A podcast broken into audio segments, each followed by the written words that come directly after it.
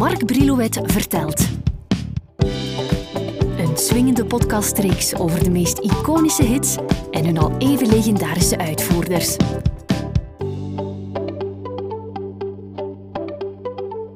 Het woord tieneridol is in onze podcastreeks al vaker gevallen. Denk maar aan Bobby Rydell, Frankie Avalon, Fabian, Bobby Vinton en ga zo nog maar even door. Bobby Darin zou je aan die reeks kunnen toevoegen, maar ik denk niet dat hij daar blij mee zou zijn. Hij had niet uh, zoveel met het idool zijn. Hij wou eerder een gewaardeerd en gevierd artiest worden, zo eentje om in te kaderen. Zijn carrière maakte de gekste bokkensprongen, vooraleer hij definitief op zijn swingende pootjes terechtkwam. Het valt me trouwens op dat er tegenwoordig over Darren niet veel meer gesproken wordt, laat staan dat zijn platen nog regelmatig gedraaid worden. Mocht je ondanks dat toch wat meer over hem willen weten, dan raad ik jou de biopic Beyond the Sea uit 2004 aan, in een regie en productie van Kevin Spacey, die tevens in de huid van Bobby Darin kruipt. Ook al had Bobby Darin een studiebeurs op zak om een diploma te behalen aan het Hunter College in New York City, toch liet hij die school snel achter zich om het eerst als acteur te proberen, nadien als muzikant. Zijn eerste stappen in de muziekbusiness waren jingles maken en inzingen en een optreden in de Tommy Dorsey Show. Zijn platencontract bij het Atco-label was de start van een glansrijke carrière. Zijn eerste hit werd Splish Splash, waarmee hij zich meteen in de kijker wist te zingen bij de liefhebbers van de rock and roll. Splish splash, I was taking a bath, long about a Saturday night. Yeah. Rubbed up, just relaxing in the tub, thinking everything was alright. Datzelfde jaar scoorde Darren zijn tweede top 10 hit met Queen of the Hop, geschreven door Woody Harris. Hij weet vervolgens zijn talenten etaleren met de door hemzelf geschreven Dream Lover en op het nummer op samen met technicus Tom Dowd en de producers Ahmet Erdogan en Jerry Wexler. Pianist van dienst die dag was niemand minder dan Niels Sedaka. De 20 april werd het nummer op 45 toeren uitgebracht. Every night I hope and pray a dream lover will come my way.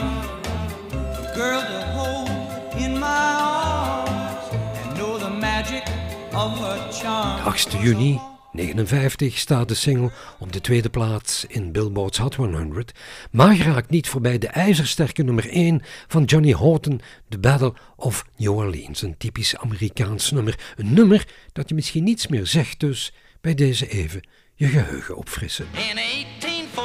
We took a little trip along with Colonel Jackson down Mississippi. We took a little bacon and we took a little beans and we caught the bloody British in a town in New Orleans. Bobby kijkt verrast op wanneer hij van zijn platenfirma verneemt dat Dream Lover op één staat in de Britse top 40. In Nederland is de single nergens te bespeuren. In de Belgische hitlijsten zit er voor Dream Lover een dertiende plaats in. Bobby Darin kwam ondanks zijn leeftijd erg volwassen over.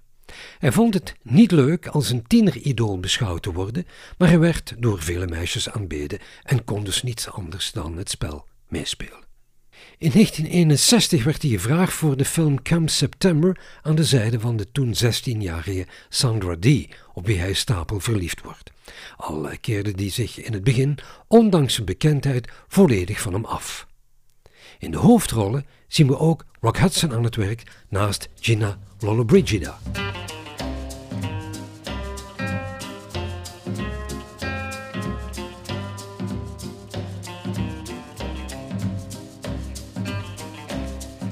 Thema uit de film Camp September. Eerst was Sandra Dee's rol aan Marilyn Monroe aangeboden, maar die liet verstek gaan. Regisseur van dienst was Robert Mulligan. De opname vond plaats in Rome.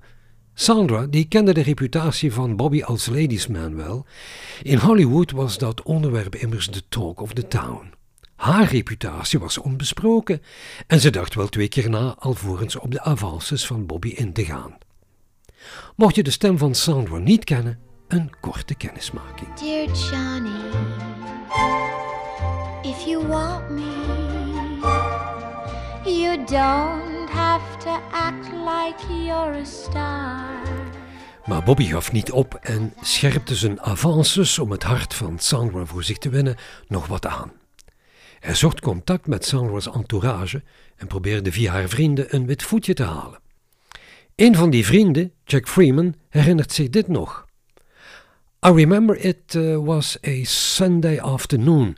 He looked at Sandy and said, All right, and they went. I saw her the next day and she said, Jack, he is amazing. He is so smart. He is so brilliant. En van dan af werd Sandra smoor verliefd. Toen de opnamen van de film voorbij waren, besloten Sandra en Bobby te trouwen. Hun huwelijk zal geen sprookje worden, maar ze bleven wel samen tot in 1967. De 19e augustus 1961 ging Camp September in première. Naast de titelsong zingt Bobby Darin ook het nummer Multiplication. Multiplication, that's the name of the game. And each generation, they play the same. Dream Lover zal nadien vaak gecoverd worden door onder meer Johnny Burnett, de Paris Sisters, Glenn Campbell, in duet met zijn toenmalige vrouw Tanya Tucker. John Lennon maakte er ook een versie van, Jason Donovan, en deze meer dan geslaagde versie van Rick Nelson, die er op het einde van de jaren 70 een zeer rustige interpretatie aangaf. I wanna dream lover, so I don't have to dream. Na Dream Lover zal Bobby Darin in de Amerikaanse top 10 nog met zeven singles opduiken. Things, You Must Have Been a Beautiful Baby, 18 Yellow Roses, If I Were a Carpenter, enzovoort. Meteen na zijn succes met Dream Lover scoorde Bobby Darin zijn laatste nummer 1 met Meg the Knife, waarmee hij een totaal andere wending aan zijn carrière gaf. Oh, the shark, baby, has such teeth, dear, and it shows them pearly white. Just a jackknife has old Maggie Heath, baby, and it keeps it uh, out of sight. Hoe graag ik ook positief zou eindigen, om dit feit kan ik niet heen. Bobby Darin overleed de 20 december 73 op amper 37-jarige leeftijd aan een hartaanval.